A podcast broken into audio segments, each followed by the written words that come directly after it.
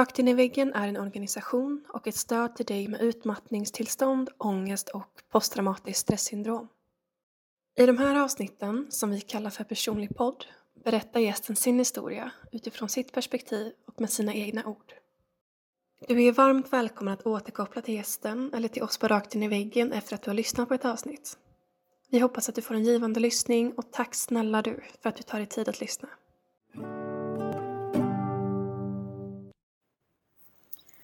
–2017 03 27 Tre månader av det här året har snart rusat förbi och jag har inte riktigt fattat vad det är som händer. Jag har levt i en bubbla av ångest, oro, rädsla och även en del stress antar jag. Jag vet snart inte var jag ska ta vägen. Jag ser heller inte något slut på den här känslan. Min oro för att något är allvarligt fel på mig skuggar över allt och jag kan inte riktigt leva mitt liv. Jag är inte intresserad av att träffa någon. Inte av att festa. Orkar inte engagera mig som innan. Men jag vill inte heller vara ensam för då kommer katastroftankarna. De går om och om igen i mitt huvud. Jag har jättemycket dödsångest och tror verkligen att jag har en allvarlig sjukdom. En hjärntumör eller liknande. Bara att skriva det här och erkänna rädslan är jätteobehagligt. Jag har börjat prata med en kurator och är även remitterad till en psykolog för KBT-behandling. Kuratorn har sagt att min ångest troligtvis ligger väldigt ytligt hos mig och att det inte ska mycket till för att jag ska få ångestattacker. Det är nog sant. Jag känner mig helt instabil och skör. Men det värsta är ju att jag inte bara tror att det är ångest utan något annat fysiskt. Jag har också fått tid till neurologen och om en och en halv vecka eh, ska de göra en snabbutredning av mina neurologiska symptom. Jag är livrädd. Jag vill inte. Jag är hundra procent säker på vad de kommer hitta.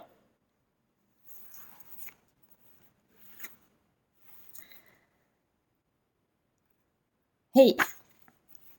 Ni eh, hörde precis ett eh, utdrag från min eh, dagbok som jag skrev ehm, för fyra år sedan ungefär. Jag heter Caroline och ehm, det är jag som är poddansvarig för Rakt in i väggen sedan januari. Och eh, nu är det min tur att eh, dela min historia. Jag har ju tagit del av många av era och eh, det här blir ett fint sätt för er att eh, lära känna vem det är som har kommit som det nya tillskottet i eh, Rakt in i väggen, tänkte vi. Eh, Eh, det var ganska jobbigt för mig att eh, läsa det här faktiskt. Jag blev eh, lite skakig. Precis som att jag kommer tillbaka till ehm, den tiden. Det är ganska bra inser jag också på något sätt att jag har skrivit dagbok för att eh, det är nog eh, bra att bli påmind ibland om hur det faktiskt var. Eh, när man mår lite bättre igen, som jag gör nu och som jag ska berätta mer om, eh, så är det ju lätt att glömma eh, i många fall. Eh, vi tar det från början. eh, jag heter som sagt Caroline och jag är en eh, tjej från Skåne som ni hör. Eh, jag är uppvuxen i en eh, by i Mellanskåne. Och eh, där eh, jag växte upp med min mamma och pappa och mina två syskon. Eh, hade en ganska klassisk barndom tror jag, om man får säga så. Lite Svenssonliv. Eh, väldigt trygg och eh, fin uppväxt som jag har varmt om hjärtat. Eh, jag eh, fyller 30 till hösten.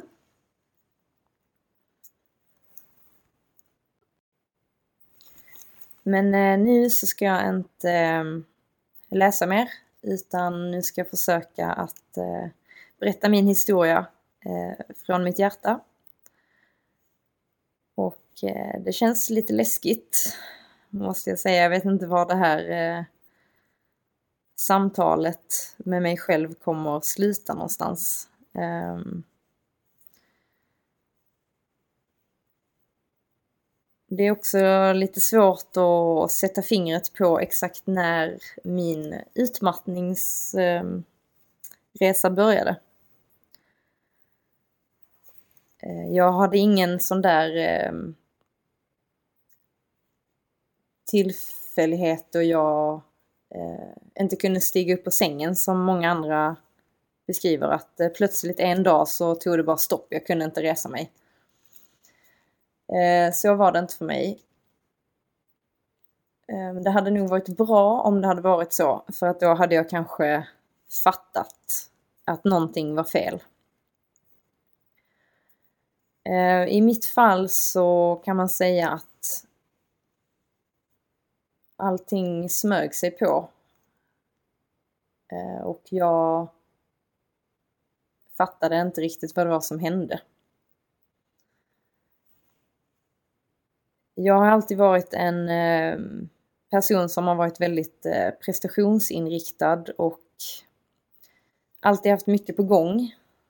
Eh, mycket aktiviteter vid sidan om jobb och skola och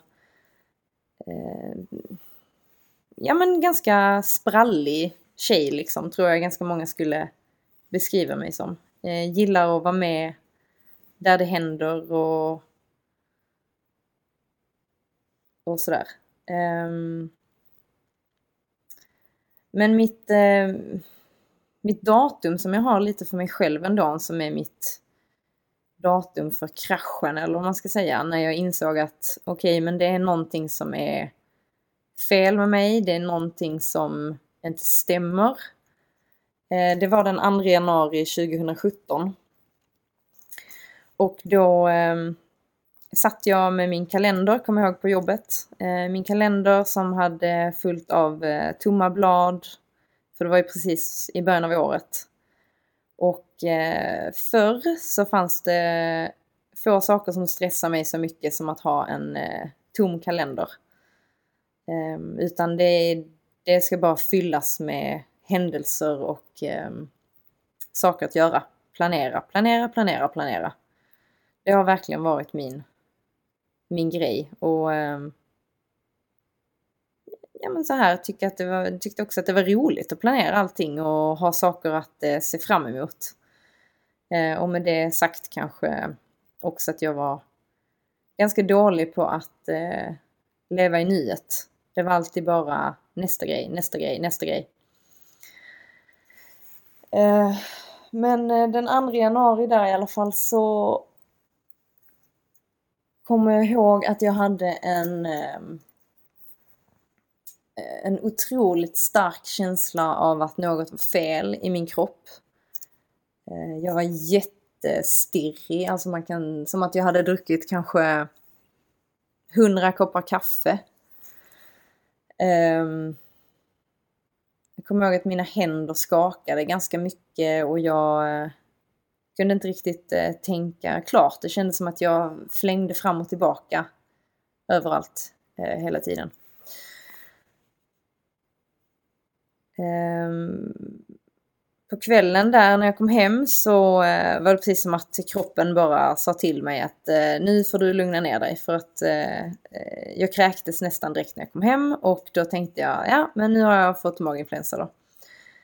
Eh, och sen var jag väl hemma ett par dagar och sen så var det tillbaka till jobbet igen. Eh, så men eh, det var, det fortsatte bara efter det. Ehm, jag fick väldigt mycket fysiska symptom.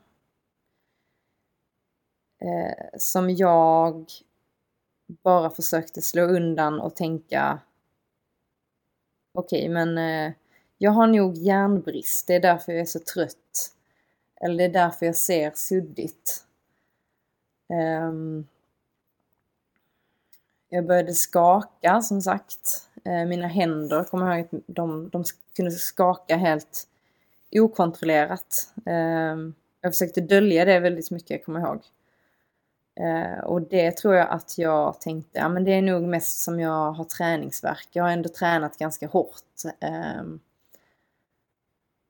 det, är, det är nog mest träningsverk så. Eh, jag hade ont i magen, jag hade huvudvärk. Eh, jättemycket muskelryckningar. Eh, det var jättekonstigt. De bara dök upp i hela kroppen. Eh, jag hade väldigt ont i kroppen också i form av eh, spända axlar och kände mig spänd hela tiden. Ehm, och det här var väl ändå någonting som jag tänkte att, ja men det här är inget konstigt, det är bara det är bara någonting annat som jag kunde skylla på. Jag började ta järntabletter till exempel och körde på precis som vanligt. Högt tempo var det hela tiden. Um, och sen så um, började bli ganska läskiga symptom. Som jag inte kunde känna igen från någonting annat eller som jag kunde skylla på någonting annat. Um,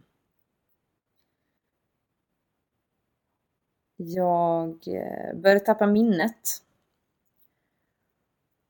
Kunde ehm, glömma saker som hade hänt, eh, människor jag hade träffat, eh, glömma namnet på folk. Eh, jättekonstigt för mig som alltid har varit väldigt bra på, på namn.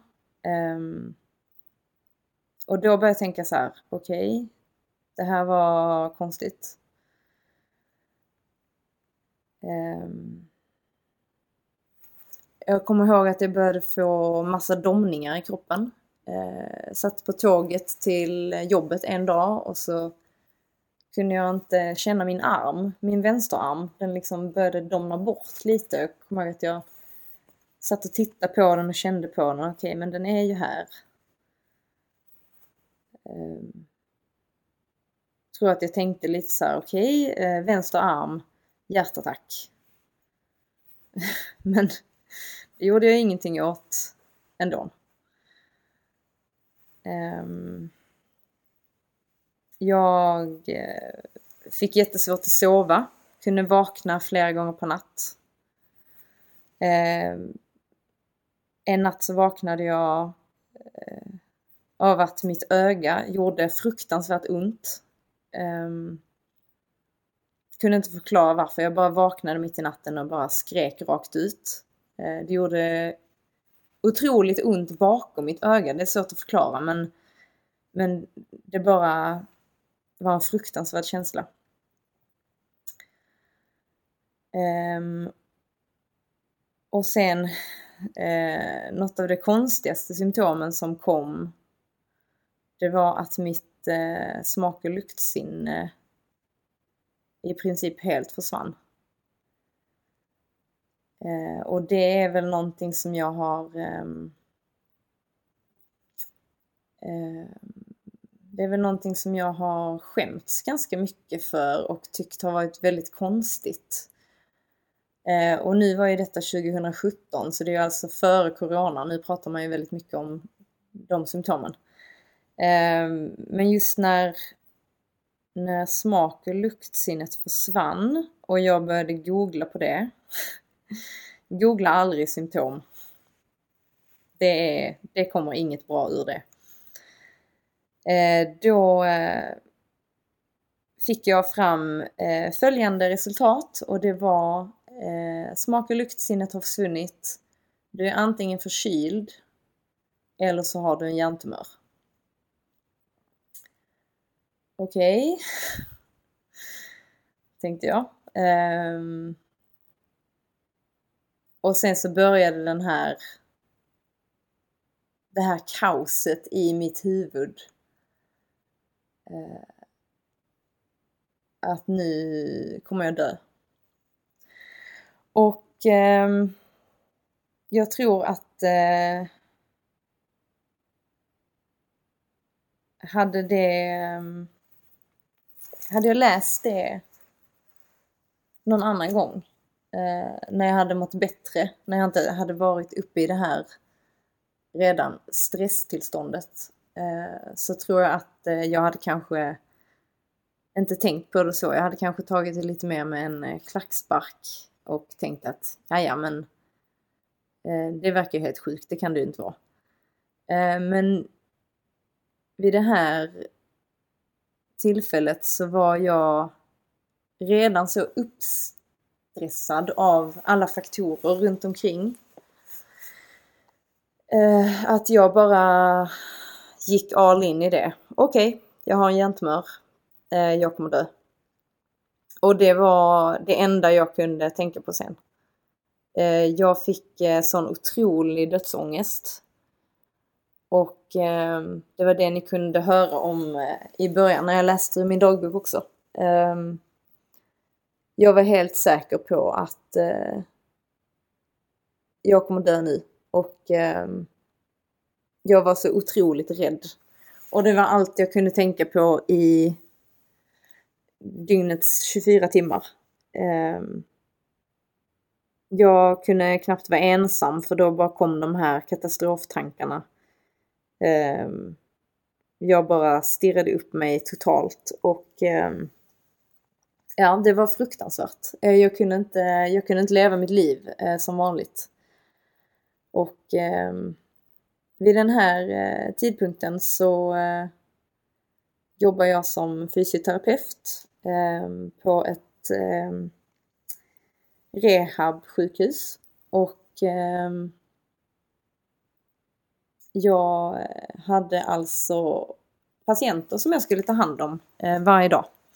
Patienter som var helt eh, beroende av mig att eh, jag eh, skötte deras rehabilitering. Um, och det kanske ni kan tänka er hur det gick. Uh, ja, jag skötte ju mitt jobb eh, och gjorde verkligen mitt bästa och gick in i någon slags roll. Men eh, att ta hand om någon annan så när man inte mår bra själv, det, ja, det var, det var ehm, svårt och ehm, ja, jag tror att ehm, jag hade behövt eh, trycka på paus där och bara säga till min chef att jag måste reda ut det här innan jag kan fortsätta jobba. Men, eh, men så var det inte såklart utan jag bet ihop och körde på men eh, bakom fasaden så var jag ett nervvrak. Verkligen. Eh, den enda som visste om detta det var väl min kille i princip. Eh, för han såg ju hur jag mådde när jag kom hem. Eh, och han var den enda som kunde lugna mig lite eh, och säga att eh, det kommer att bli bra. Och i korta stunder så kunde jag tro honom men eh, jag hade inte, eh, inte mycket kraft att, att tro på det egentligen. Eh, jag tror att jag gick med den här, de här tankarna i eh, en månad ungefär innan jag tog mod till mig att boka tid på vårdcentralen för att träffa en läkare. Eh, och eh, då fick jag veta att det var en månads väntetid på att komma till ehm, läkaren. Och det kom också ihåg att det var en sån otrolig käftsmäll att få höra det när jag äntligen hade tagit mod till mig. Eh, och när jag bokade tiden fick jag dessutom bli bemött av en otroligt alltså elak, skulle jag verkligen säga, elak sjuksköterska i telefonen som hade noll förståelse. Och jag, eh, eh, har alltid varit en ganska, jag vet inte vad man ska säga, men varit ganska tuff och kunnat stå upp för, för mig själv och säga ifrån och så. Men hon bara, ah, hon bara sågade mig längs med fotknölarna kändes det som. Eh, jag var helt maktlös och jag blev så ledsen när hon bemötte mig så.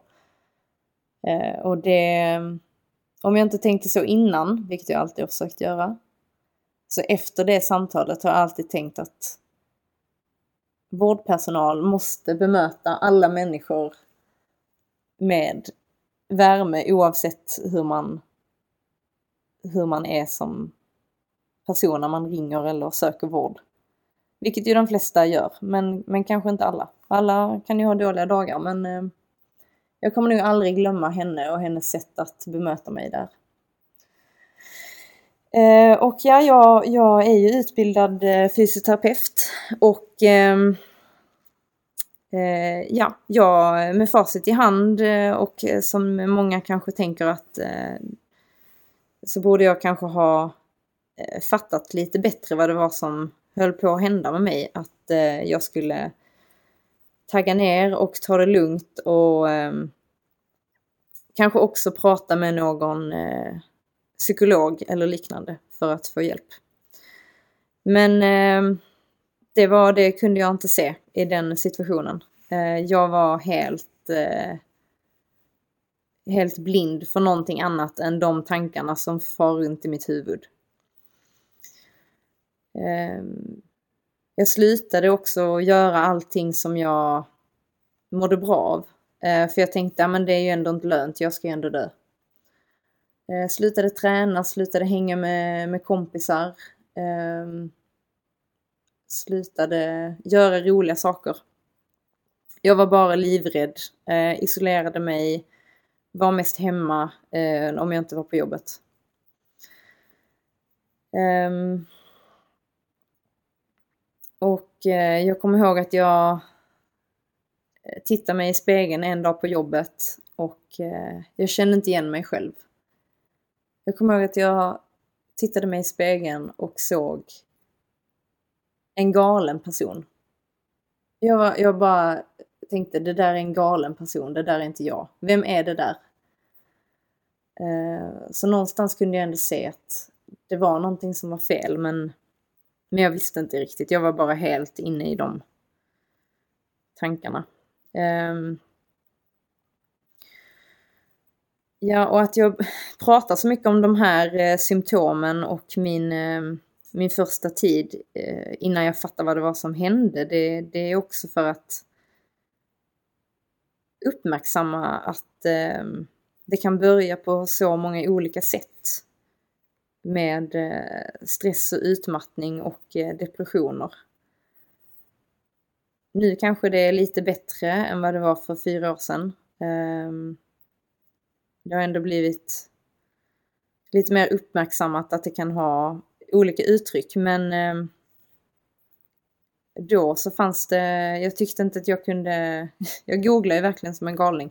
Men jag kunde inte, jag kunde inte hitta någonting om att detta kunde vara Eh, tecken på att eh, jag kanske var helt sönderstressad. Utan alla mina fysiska symptom som jag hade, det var bara, det var bara en massa tecken på att jag också var fysiskt sjuk.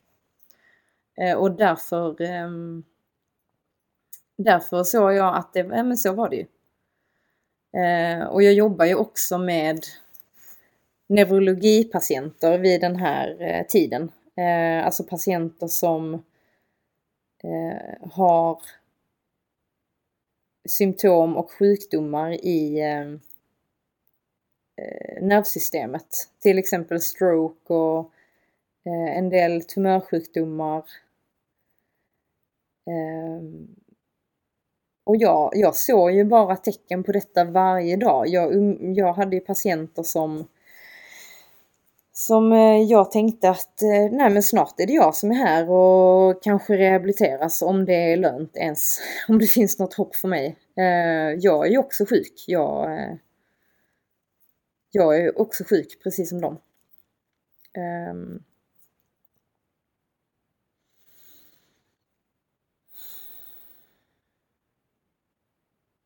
Mm. Ehm. När jag så småningom fick komma till den här läkaren då efter en månad så um, hon var faktiskt väldigt eh, bra. Jag tror att hon såg lite vad jag... Eh, hon kunde se liksom lite bakom mig. Uh, bakom min fasad, tror jag. Och hon... uh, hon sa flera gånger så att jag tror att du behöver prata med någon. Och då sa jag nej, nej, nej, jag behöver bara träffa någon som kan eh, utreda vad det är som är fel med min kropp.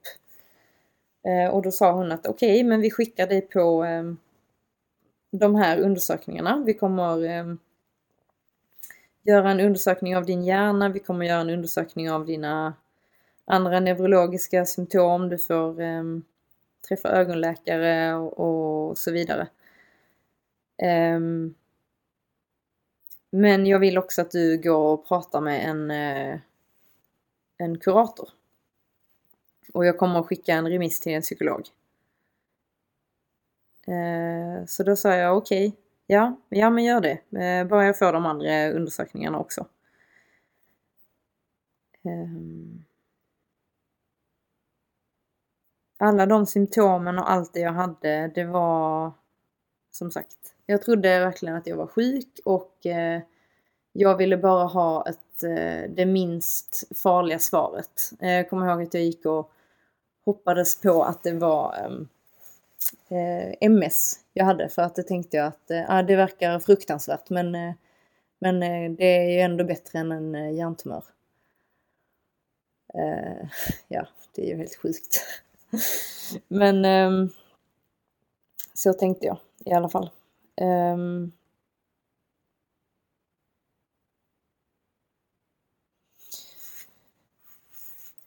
ja. Eh,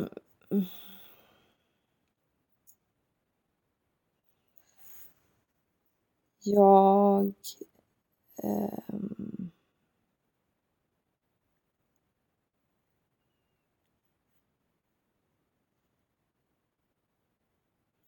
jag hade ett par eh, panikattacker eh, den här våren också.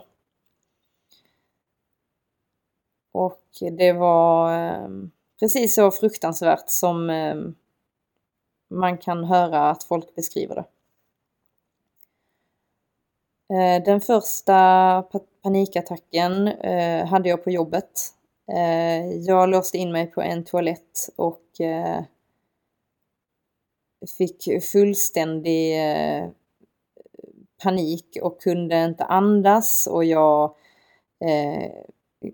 satt där och, och var så rädd. Um, och jag kommer ihåg att jag ringde till min kille och bad honom att komma och hämta mig mitt på dagen. Uh, han hade ju sitt eget jobb. Så han kunde ju inte det, han var ju väl helt förtvivlad men uh, det kunde han inte. Eh, men jag fick tag på min eh, lillebror till slut och han kom och hämtade mig utan att ställa några frågor direkt utan han bara han bara kom och hämtade mig och eh, Sen åkte vi, körde han hem till, eh, till mina föräldrar och lämnade mig där. Och, eh, eh, jag tror bara att jag sa till mamma att eh, nej, jag mådde inte så bra. Jag, jag åkte hem från jobbet.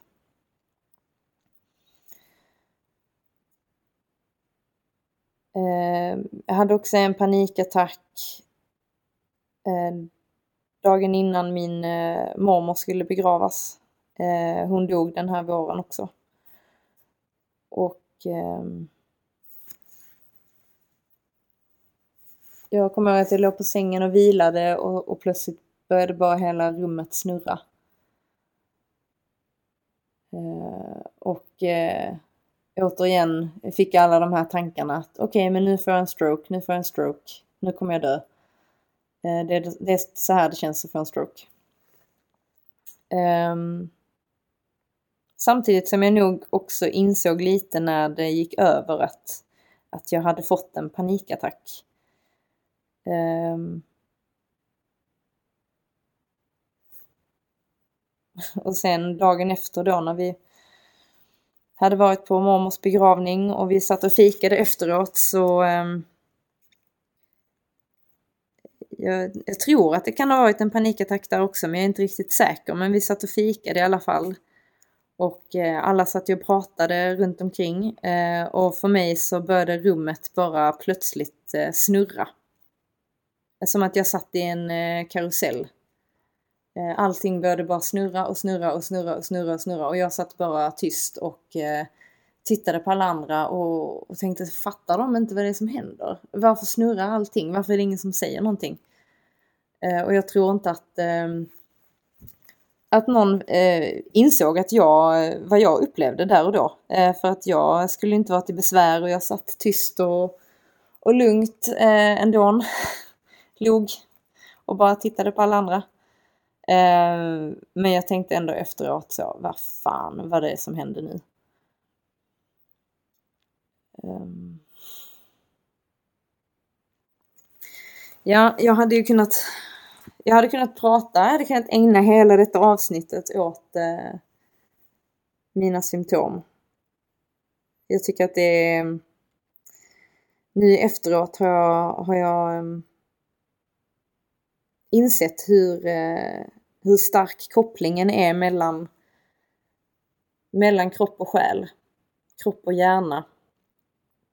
Känslor, tankar och kroppen. Eh, jag har inte tänkt på det alls innan. Eh, jag har varit ganska vetenskapligt eh, inriktad eller vad man ska säga. I med min fysioutbildning och så också så har det kanske varit ganska naturligt att tänka så. Ehm, men eh, det har blivit allt mer tydligt för mig eh, ju längre tiden går.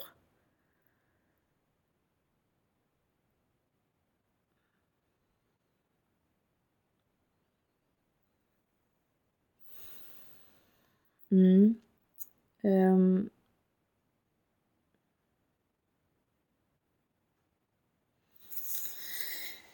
Jag hade under den här tiden um,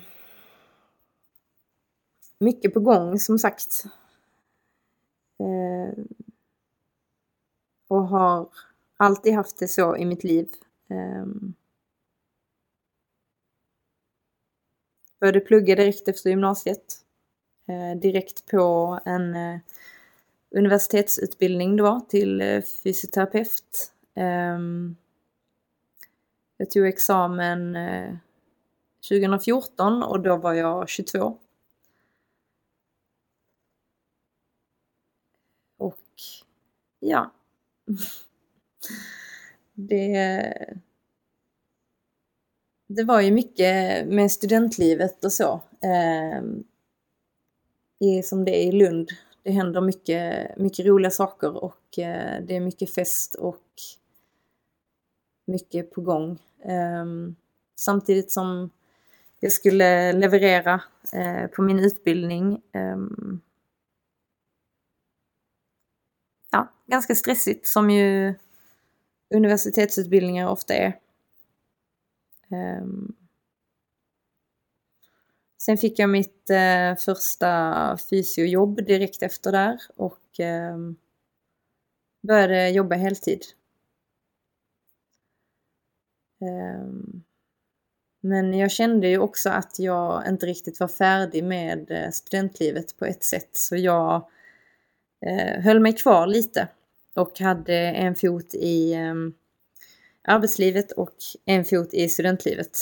Ehm, det var väldigt roligt men jag kanske inte hade rekommenderat det till någon nu i efterhand att eh, jobba heltid och även eh, hålla på med massa studentgrejer på samma gång. Eh, studentlivet är inte riktigt anpassat efter ett heltidsjobb. eh, sena kvällar är inte så kompatibelt med tidiga morgnar. Eh, och sådär. Men det var ju väldigt, väldigt kul. Det var det. Eh,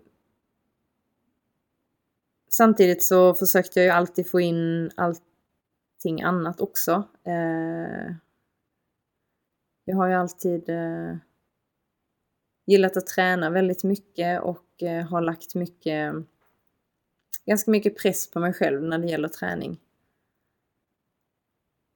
Eh, mycket prestation i det. Tränat hårt mycket. Ehm. Och ehm.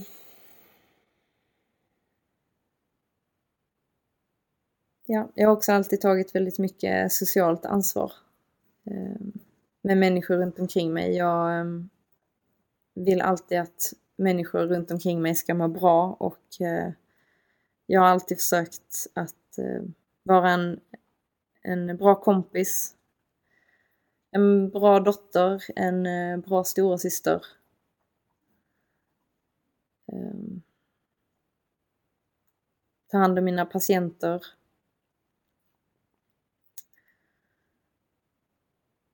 och sådär. Um, jag är ganska perfektionistiskt lagd. Och eh, vad det innebär. Eh, alltid försöka ha städat hemma, det är då jag mår som bäst. Eh, alltid försöka vara ha ett felfritt yttre liksom. Um, alltid vara roligast på fest och alltid vara taggad. Alltid glad, alltid positiv. Så. Ehm, det är väl den självbilden som jag har, som jag har haft. Ehm, om man då tänker eh, 2017, jag hade mitt heltidsjobb. Ehm, jag hade alla de här tankarna med mig eh, om mitt ehm, ja, mina perfektionistiska drag, ehm, högpresterande inom träningen, eh, mycket fest, en fot kvar i studentlivet fortfarande planerade in mycket, sakerna, mycket saker på helger och, och vardagskvällar. Eh, bara det tror jag att, eh, att man kan bli utmattad av. Eh, men utöver det så ehm, hade jag också en mamma som eh, var sjuk i cancer. Ehm, och hon blev sjuk eh, 2009, fick vi veta det.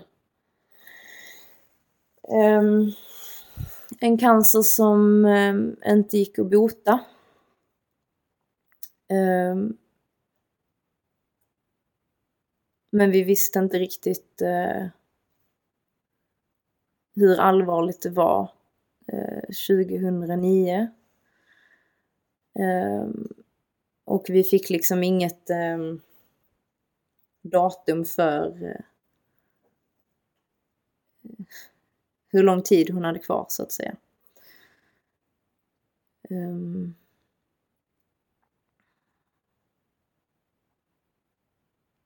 –2017 så um, levde hon fortfarande. Uh, det hade varit många år av uh, berg och dalbana upp och ner i sjukdomen. Hur, hur det hade gått och eh, ja, alla som har eh, varit nära någon som har eller har haft cancer eh, vet ju att det är ju en sjukdom som inte bara drabbar den som är sjuk utan alla runt omkring också.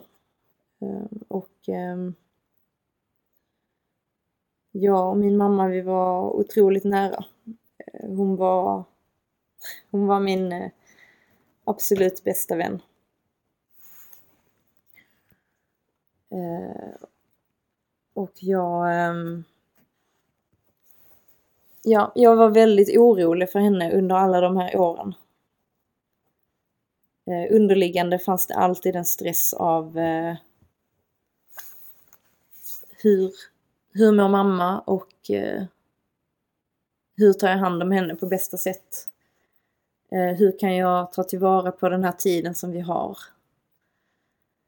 Ehm, hon var ju inte så sjuk att man såg det utåt. Eh, omvärlden tror jag inte tänkte på så mycket att hon var sjuk. Eh, så de förstod nog inte riktigt hur vi hade det i familjen. Eh, allt vad vi gick igenom. Eh, alla sjukhusbesök och alla behandlingar. Eh, hon hade en bra eh, livskvalitet ändå och eh, det var nog det som gjorde att eh, ibland så kunde man lägga det lite bakom sig och, och ehm, låtsas att det inte fanns riktigt. Eh, men stressen fanns alltid där och ehm,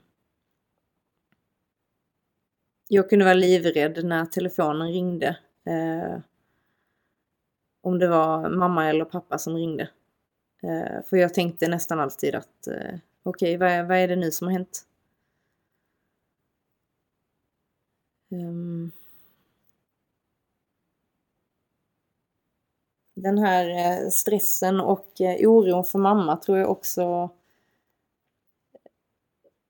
Alltså ingen, ingen klarar ju att leva med den oron 24-7 Eh, under en så lång tid. Eh, hon blev ju sjuk när jag var, när jag var 17-18 ehm, och ehm, man, man lär sig på något sätt att leva med det eh, på något sätt och hon ville ju aldrig att vi skulle eh, sluta leva bara för att hon var sjuk. Um, och jag tror att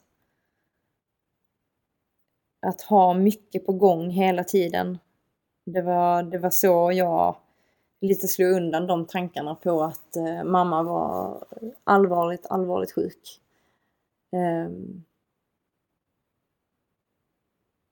mycket, mycket festande som sagt under eh, studentlivet särskilt och eh, eh, bara för att glömma ibland. Ta en paus och bara glömma vad som eh, vad som hade hänt. Eh, jag, jag, vet att vissa fester som jag var på, de kunde spåra ur totalt för mig. Eh, speciellt om det var en jobbig period med mamma. Att hon kanske hade blivit inlagd på sjukhus eller eh, haft någon annan dipp. Eh, och hon sa ju alltid, ja men ni, ni ska leva som vanligt. Så då, då, gick man, då gick jag ju på festen då och eh, drack väl därefter för att glömma eh, och förtränga vad som, vad som hände i verkligheten. Eh, ganska destruktivt, ja. Men eh, också en, ett sätt att överleva på, eh, på ett sätt. Um, mamma och jag, vi, vi pratar ju varje dag. Eh, och hon fattar ju någonstans vad, eh, vad som höll på att hända med mig eh, när jag eh, började bli orolig för min egen hälsa. Eh, och eh, att jag inte... Jag insåg ju inte själv vad som hände, vad som hände riktigt i mig. Och hon sa...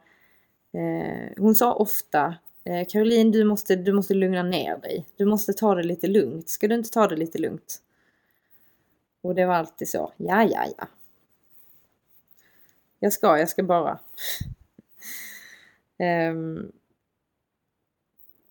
och um, då våren 2017 när jag eh, hade kraschat totalt och bara var helt eh, helt inne i mitt eget och eh, trodde att jag höll på att bli galen så eh, eh då sa hon att hon eh,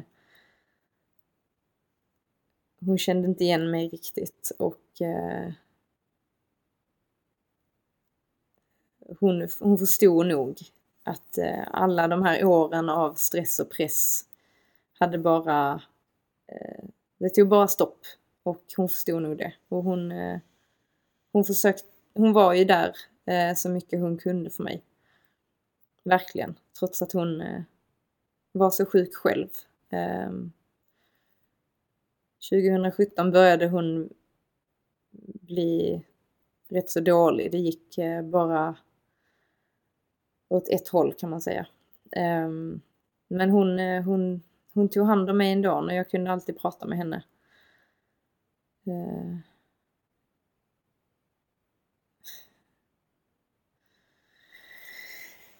Um, jag, um, ja, går man vidare. Jag um,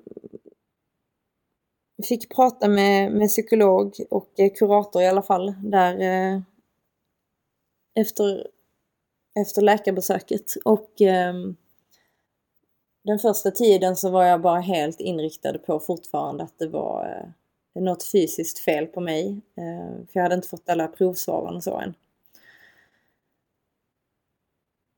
Och eh, det gjorde ju att jag kunde inte riktigt ta åt mig den eh, behandlingen jag fick. Jag gick väl i KBT först tror jag och eh, samtal så. Men eh, vi kom liksom ingen vart för att jag var hela tiden inriktad på att, att eh, det var något ehm, eh, fysiskt fel på mig.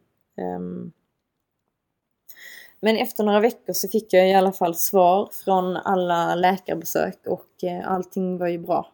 Eh, de kunde inte hitta det minsta lilla fel på mig på alla prover och röntgenbilder de hade tagit. Eh, och där och då så började jag väl inse lite att eh, okej, okay, men eh, är, är det här bara psykiskt? Um, och jag fortsatte att gå i samtalen och någonstans så jag tror att det här värsta, den här toppen på hur dåligt jag mådde, den började liksom plana ut sig lite.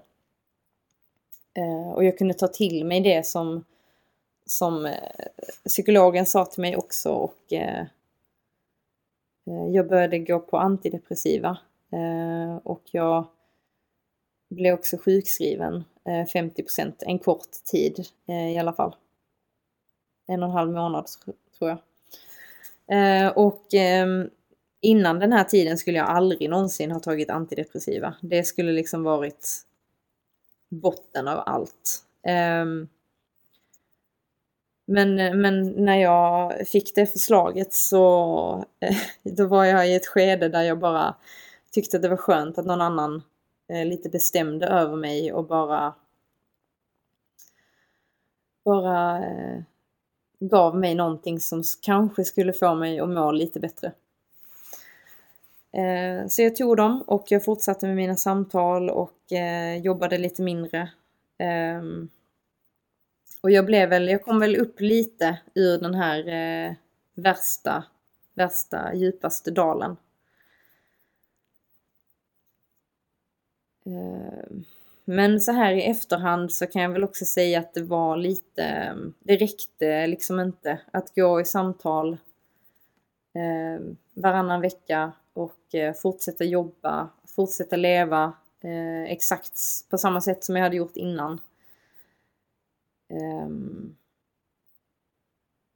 allting annat var ju fortfarande som det fortfarande var innan sjukskrivning och sådär. Ehm. Och sen så småningom så var jag väl utåt sett lite, lite bättre och då började jag jobba fulltid igen och sen var liksom ekorrhjulet var ju igång och eh, jag hade ju fortfarande samma tankesätt som förr och eh, jag tänkte nog inte riktigt att jag eh, att jag var utmattad eller deprimerad. Jag tror inte att någon hade sagt det till mig heller. Men det var faktiskt så. Um, och det, men det insåg jag inte. Det insåg jag inte själv. Jag tänkte mest att ja, men jag behöver bara vila lite och sen så eh, kan jag komma tillbaka.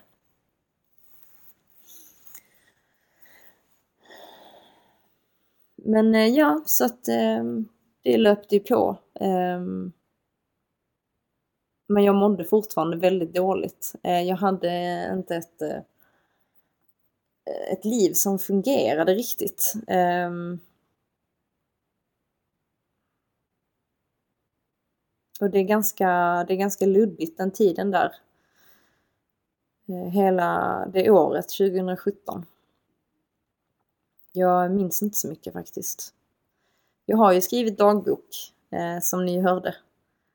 Så att det finns nog eh, lite nerskrivet. Um, men jag själv minns inte så mycket om hur det var. Eh, det var aldrig så att jag var soffliggande eller sängliggande i veckor liksom. Jag var nog ganska, jag var ganska rastlös fortfarande. Jag var ganska, hade svårt att komma till ro ändå. Jag förstod inte riktigt vad, vadå vila, hur, hur gör man det? Um,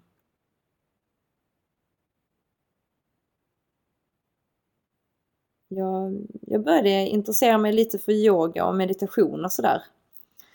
Ehm, men och jag, jag vet att jag liksom tänkte typ så här, ja men nu ska jag, nu ska jag meditera skiten ur det här dåliga som har, som har hänt. Ehm, nu ska jag meditera så mycket att jag, att jag mår bra igen. Ehm, och att gå in med inställningen att man ska prestera sig ur ett dåligt mående. Eh, nej, det är, det är ingen bra idé. Ehm, jag tror så här i efterhand att jag blev ganska stressad av allt det jag skulle göra för att må bättre. Eh, det var ju meditera flera gånger om dagen, det var gå promenader, det var eh, göra avslappningsövningar, andningsövningar, eh, läsa på allting som jag kunde om liksom depression, utmattning för att förstå eh, och hur jag skulle kunna ta mig ur det så snabbt som möjligt.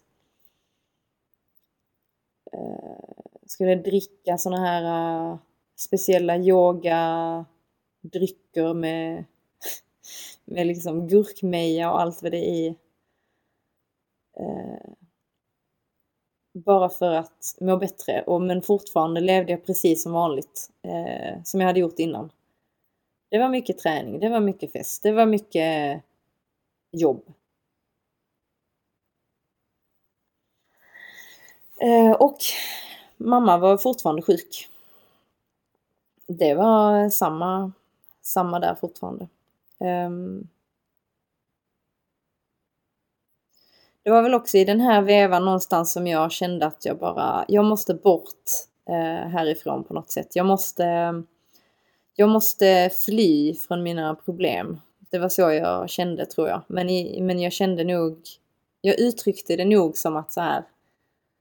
Om jag åker på yogaläger, då, då kommer det nog bli bra då blir det nog riktigt bra. Um,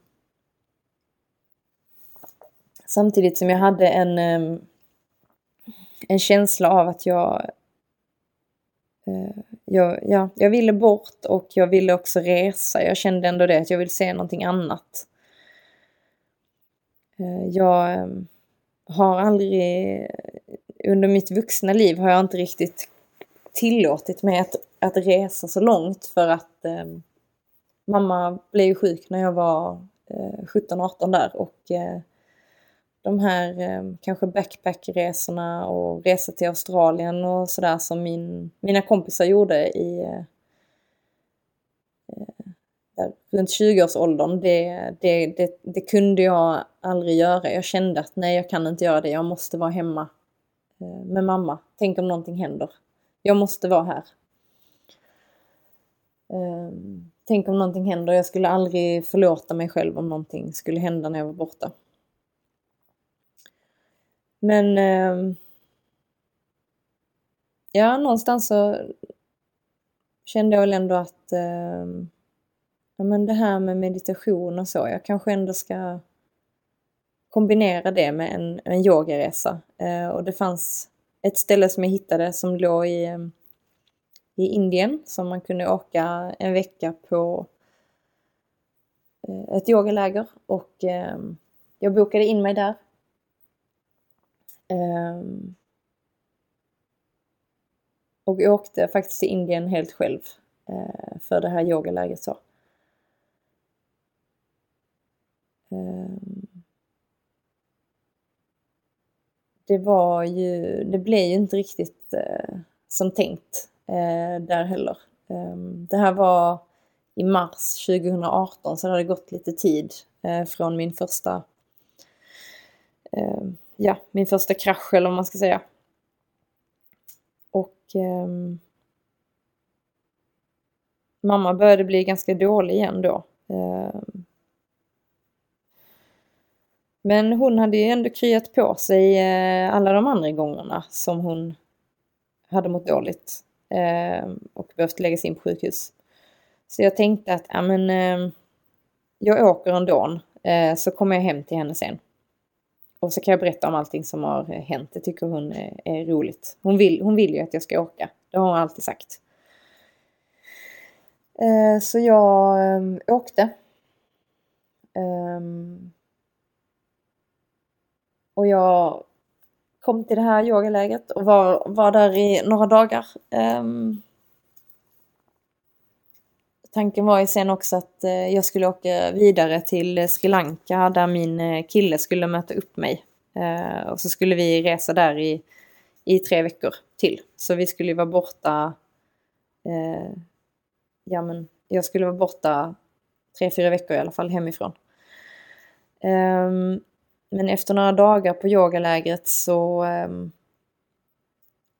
eh, ja, jag fick eh, höra hemifrån då att mamma hon, eh, hon blev sämre och sämre och eh, de alltså, kände inte riktigt igen eh, hennes tillstånd sen tidigare när hon hade dippat i mående. Eh, och ehm, efter några dagar där så, så ringde min kille och sa att eh, han inte han inte visste riktigt hur han skulle göra med vår resa och eh, vi pratade om det och eh, vi bestämde istället att jag skulle åka hem.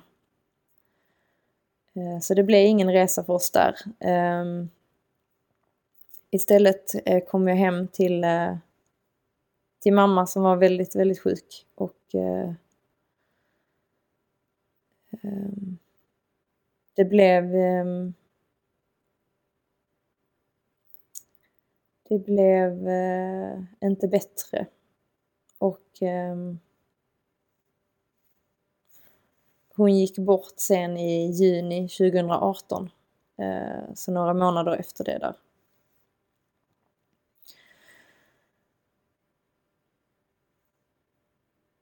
Um,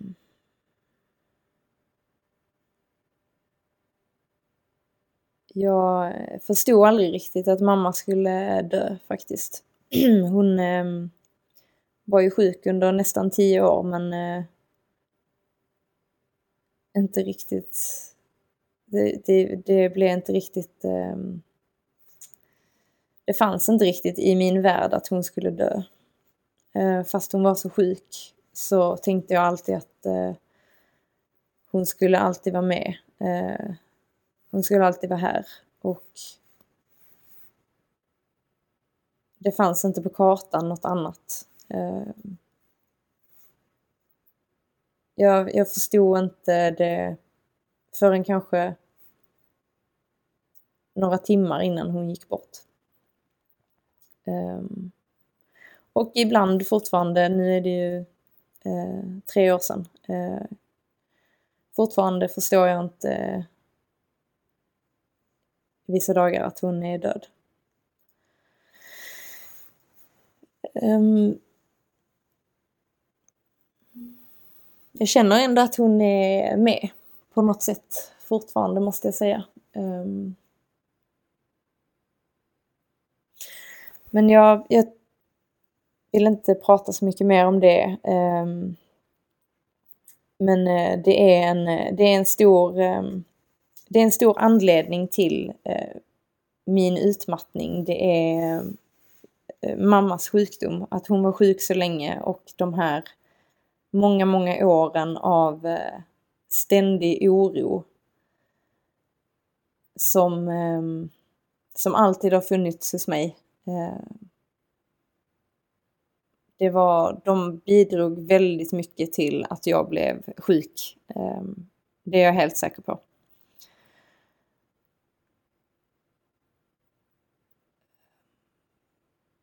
Ja, det är ju inte bara en eh, händelse som gör att man blir eh, utmattad, men eh, och det, så är det inte för mig heller, men, men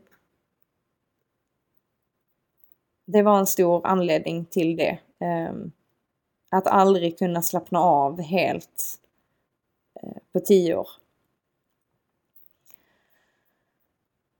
Eh,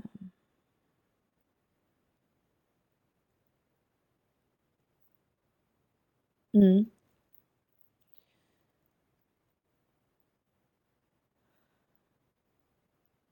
Det... Mm.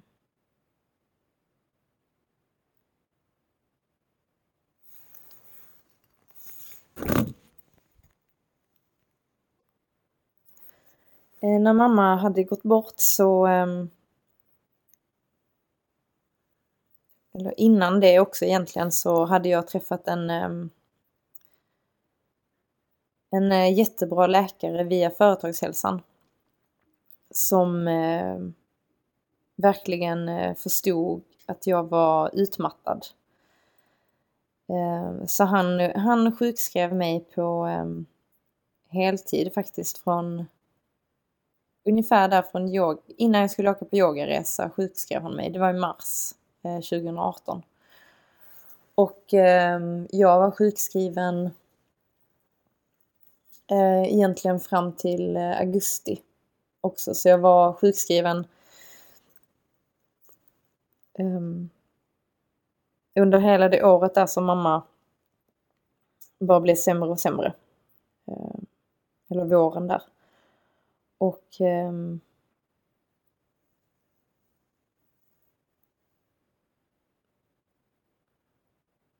efter att mamma hade gått bort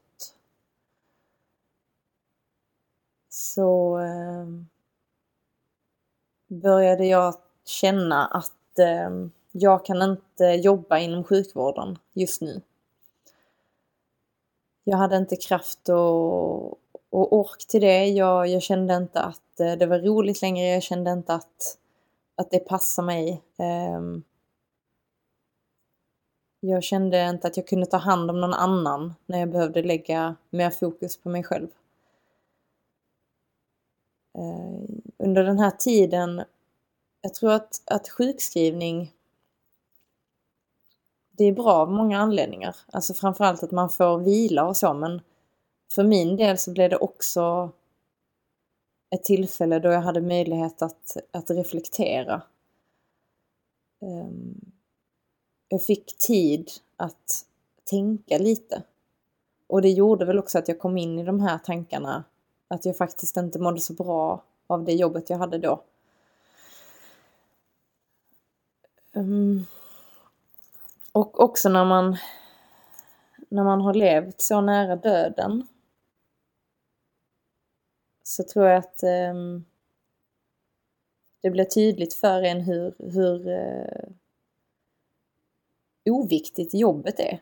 Alltså hur oviktigt det är egentligen. Men hur viktigt det är att göra någonting som man trivs med. Eh, och det blev väldigt tydligt för mig att eh, eh, jag lever nu och då vill jag inte hålla på med någonting som jag inte tycker är roligt. Jag vill inte göra någonting. Jag vill inte fortsätta jobba eh, med det här bara för att jag har tagit examen inom det. Och eh, därför sa jag också upp mig eh, och jag hade ingen plan på vad jag, vad jag ville göra. Eh, jag ville bara göra någonting annat. Eh, och eh, det var en väldig lättnad faktiskt när jag sa upp mig och jag gjorde det ju bara för min egen skull. Det blev en, en nystart för mig på något sätt och det var väldigt, väldigt bra.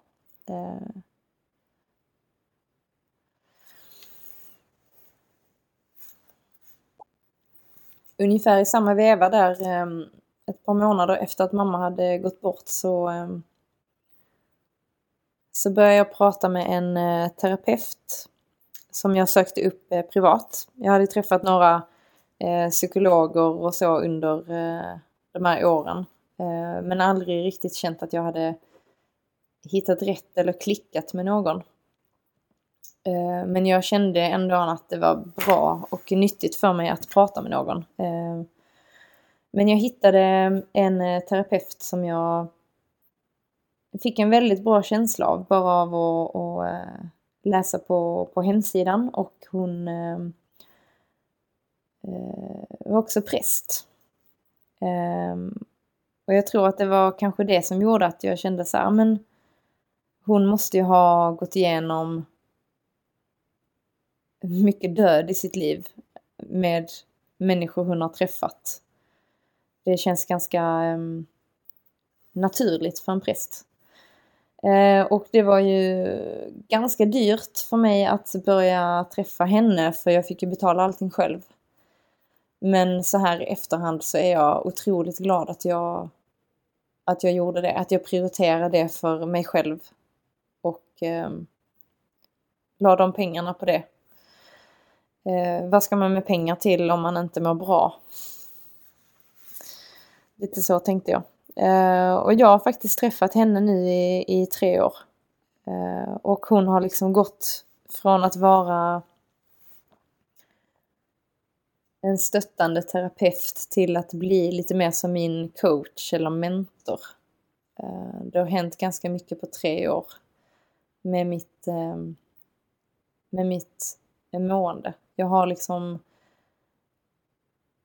ja, men sakta men säkert börjat inse vad det är jag har gått igenom och att jag behöver prioritera mig själv eh, framför allting annat för att jag ska kunna må bra.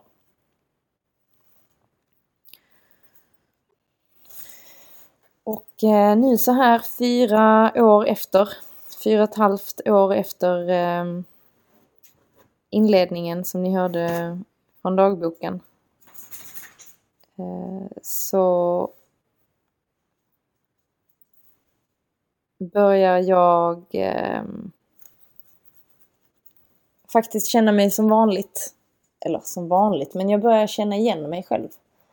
Eh, jag har aldrig tänkt att jag ska gå tillbaka till hur det var eh, innan jag blev utmattad. Eh, men jag har velat få tillbaka den där känslan som, som är jag av att känna igen mig själv. Och den, den har jag börjat känna det senaste, det senaste halvåret. Men det har ju, det har ju verkligen inte varit lätt att komma, komma hit där jag är nu. Eh, det har varit många timmar av eh, reflektion och eh, ett steg fram och två tillbaka. Många gånger. Ehm, men jag har väl eh, under den här, de här åren ändå ehm, försökt att bara tänka på vad det, vad det är jag mår bra av. Och försökt att lägga fokus där.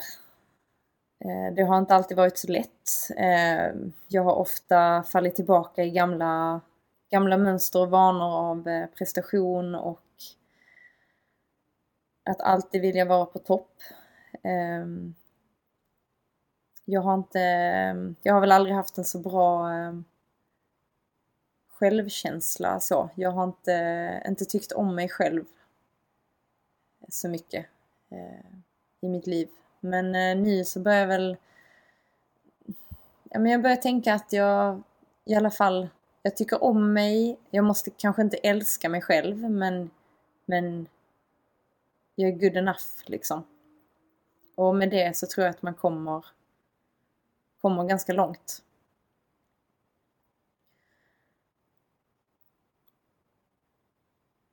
Eh, nu så, så pluggar jag till eh, eventkoordinator faktiskt. Så att jag har helt bytt bana. Eh, lämnat eh, fysioterapivärlden kommer kanske tillbaka dit i framtiden, det vet man aldrig. Men eh, när jag skulle börja göra någonting annat så tänkte jag okej, okay, men vad, vad tycker jag är kul? Vad vill jag göra? Eh, och då eh, landade det någonstans i att jag vill, eh, fortsätta att jobba med människor. Eh, som jag ju har gjort som fysioterapeut också, men på ett annat sätt. Och eh, ja, men föll tillbaka lite i det här studentvärlden, vad, vad jag gjorde där och eh, det var ju mycket olika engagemang och event och, och sådär. Och jag bara kände väldigt starkt för detta och jag sökte en ny utbildning eh, som jag kom in på och eh, har nu pluggat ett år där. Och eh, jag tycker att det är så sjukt kul och jag kan känna att, att jag har hittat rätt för första gången på väldigt, väldigt, väldigt, väldigt länge. Jag kan inte minnas att det kändes så här bra när jag började plugga till fysio heller. Eh, och när man har den känslan i ryggen, när det är någonting som känns rätt och bra, då tror jag att man kommer väldigt långt. Och man kan eh, också få lite plats och, och tänka på vad det är som är viktigast. Ehm, jag sökte den här utbildningen mitt under eh, coronapandemin. Event under coronapandemin. Mm. kan man ju undra lite hur jag tänkte. Men, eh, men jag kände så himla starkt för det ändå. Att jag bara... Jag måste bara, tänkte jag. Och eh, återigen det här, det är mitt eget liv och jag eh, måste ju göra någonting av det själv. Någonting som jag vill göra hur klyschigt det än låter så är det ju det i slutändan ändå. Um,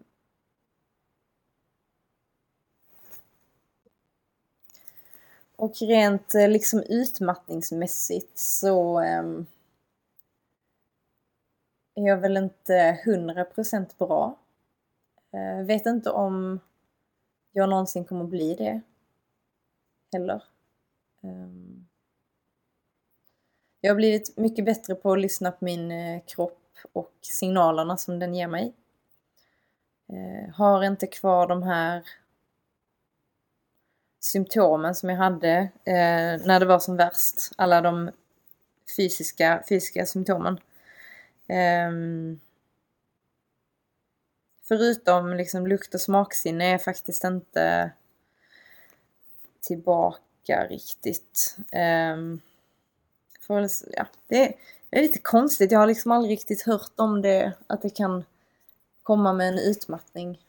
Um, men det är väl någonstans att liksom kroppen stänger av det som den inte tycker känns så viktigt. Eh, och jag får väl, Eh, jag försöker tänka positivt ändå. Eh, det går inte alltid, men ehm, Eh, jag har ju trots allt varit igenom en eh, rätt så traumatisk resa och min kropp eh, har varit väldigt, väldigt stressad under en lång tid. Och jag tror att jag hörde någonstans att eh, det stämmer kanske inte alltid, men det ligger kanske ändå någonting i det att, att eh,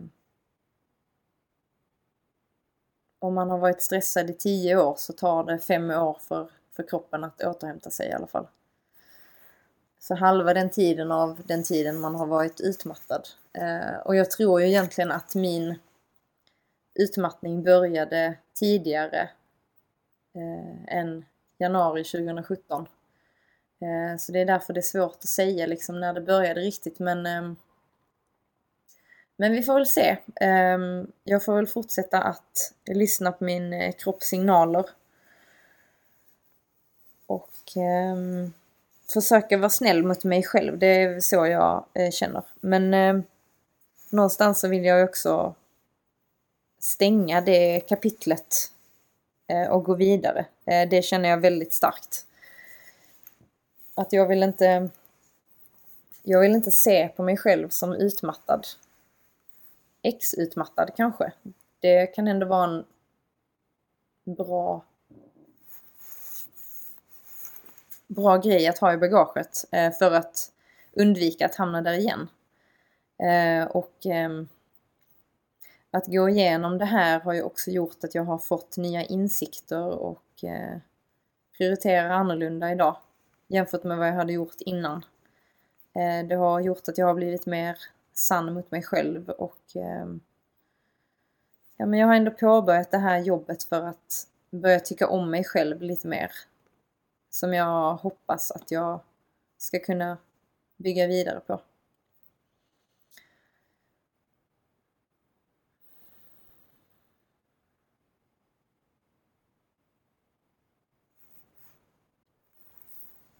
Och hur jag har kommit hit där jag är nu i mitt mående, det är väl... Alltså det, det är svårt att säga. Jag, jag tror som sagt att jag har försökt att fokusera på det som jag mår bra av eh, mer än det som jag kanske trott att jag har mått bra av. Eh, jag har försökt prioritera egentid mycket och eh, vila mycket också. Eh,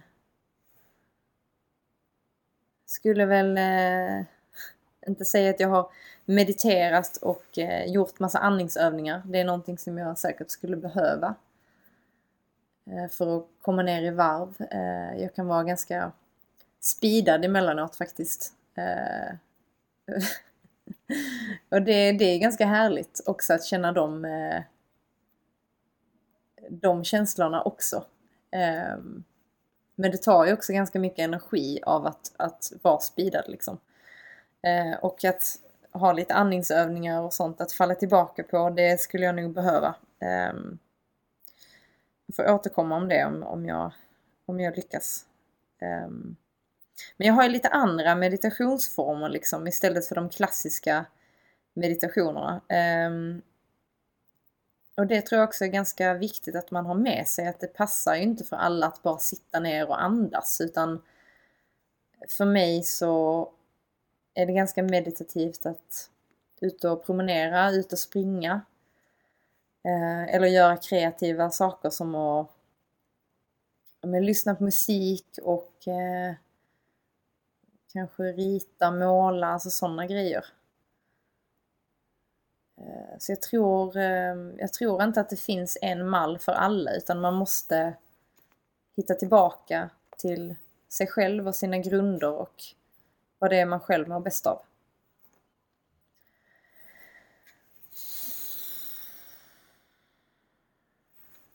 Ehm, jag sa ju att jag alltid i princip har tränat också. Ehm, man får liksom hitta sin träningsform som man mår, mår bra av. Ehm, är man väldigt, väldigt utmattad så funkar det inte att eh, köra hård träning. Det tror jag inte kroppen klarar eller mår bra av. För min del var det mycket, det var promenader och löpning eh, när jag mådde som sämst. Eh, och så småningom kunde jag börja lägga in lite lite hårdare träning men det tog ganska lång tid. Eh, och eh, efter några år så började jag faktiskt med, eh, med crossfit som jag har hållit på nu med i, eh, i två år. Eh, lite drygt. Och det är ju ingenting jag skulle rekommendera till en utmattad person kanske, att köra hårda crossfit-pass. Men jag skulle ändå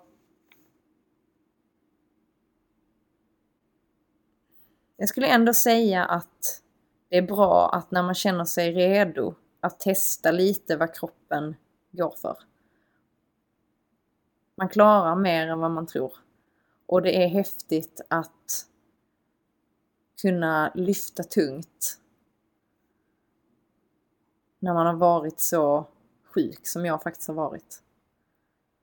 Det är häftigt vad kroppen klarar. Om man tar hand om den väl så blir man belönad. Och det har jag börjat känna nu och det är faktiskt sjukt häftigt. Sen behöver det inte vara eh, att träna hårt och lyfta tungt men att man gör någonting som man som man eh, inte klarade innan. Det ehm, mycket sånt att man får leka lite och testa sig fram och vara lite barnslig. Jag, eh, I crossfiten nu till exempel så har jag börjat så klättra i rep och jag tränar på att stå på händerna. Alltså jag har ju varit skiträdd för sånt innan. Jag har aldrig någonsin trott att det var någonting som jag skulle kunna klara någonsin. Men nu fyller jag snart 30 och jag gör saker som jag som jag aldrig trodde att jag skulle kunna. Och kroppen belönar en, som sagt, om man tar hand om den.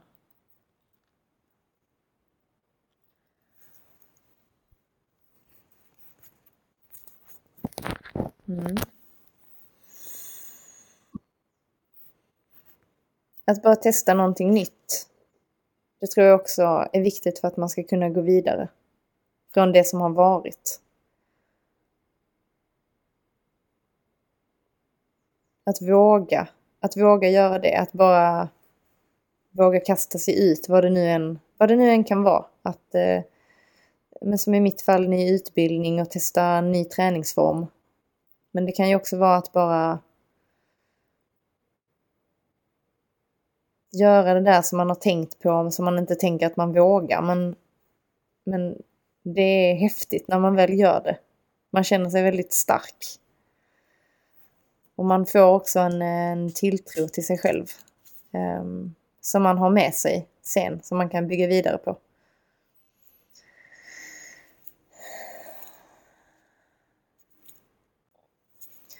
Ja, vi får se var jag, var jag landar någonstans. Men eh, det känns fint i alla fall att, eh, att känna att jag börjar bli lite mer mig själv igen. Och eh, det är väldigt välkommet. Jag har gått lite som i en dimma ganska många år känner jag. Eh, och nu så börjar se någonting här på andra sidan. Jag är redo att gå vidare och släppa det som har varit. Jag hörde en, ehm, en grej eh, på ett program där de pratade om utmattning. Eh, och där någon hade frågat en, ehm, en shaman, tror jag det var, en sån här spirituell person. Eh, vad är meningen med livet? Och då hade hon svarat Enjoy.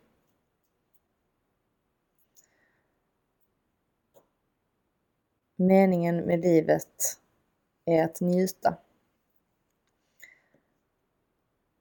Och när jag hörde det så tänkte jag bara Okej. Okay.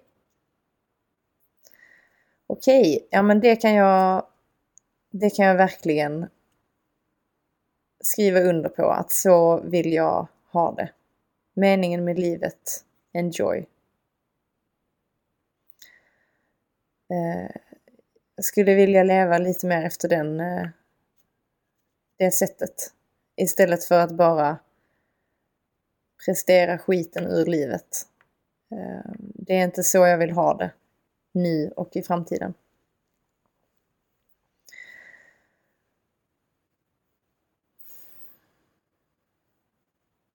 Bara en liten sån take away message från mig. Um, bra att påminna sig om det.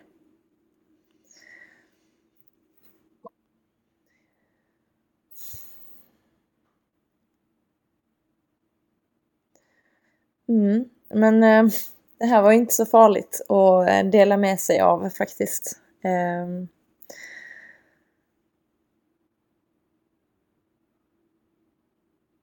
jag hoppas att eh,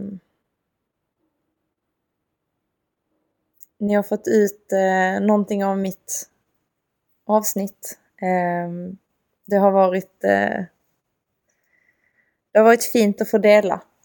Eh, och tack så mycket för att ni ville lyssna. Nu önskar jag er en väldigt härlig sommar och eh, en liten påminnelse om att bara för att solen skiner så betyder det inte att, att man måste må på topp. Det, är, det är okej att ha dåliga dagar fast solen skiner också.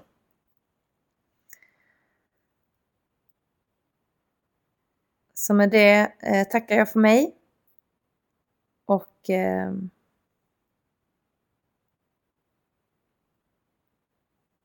kom ihåg att meningen med livet är enjoy.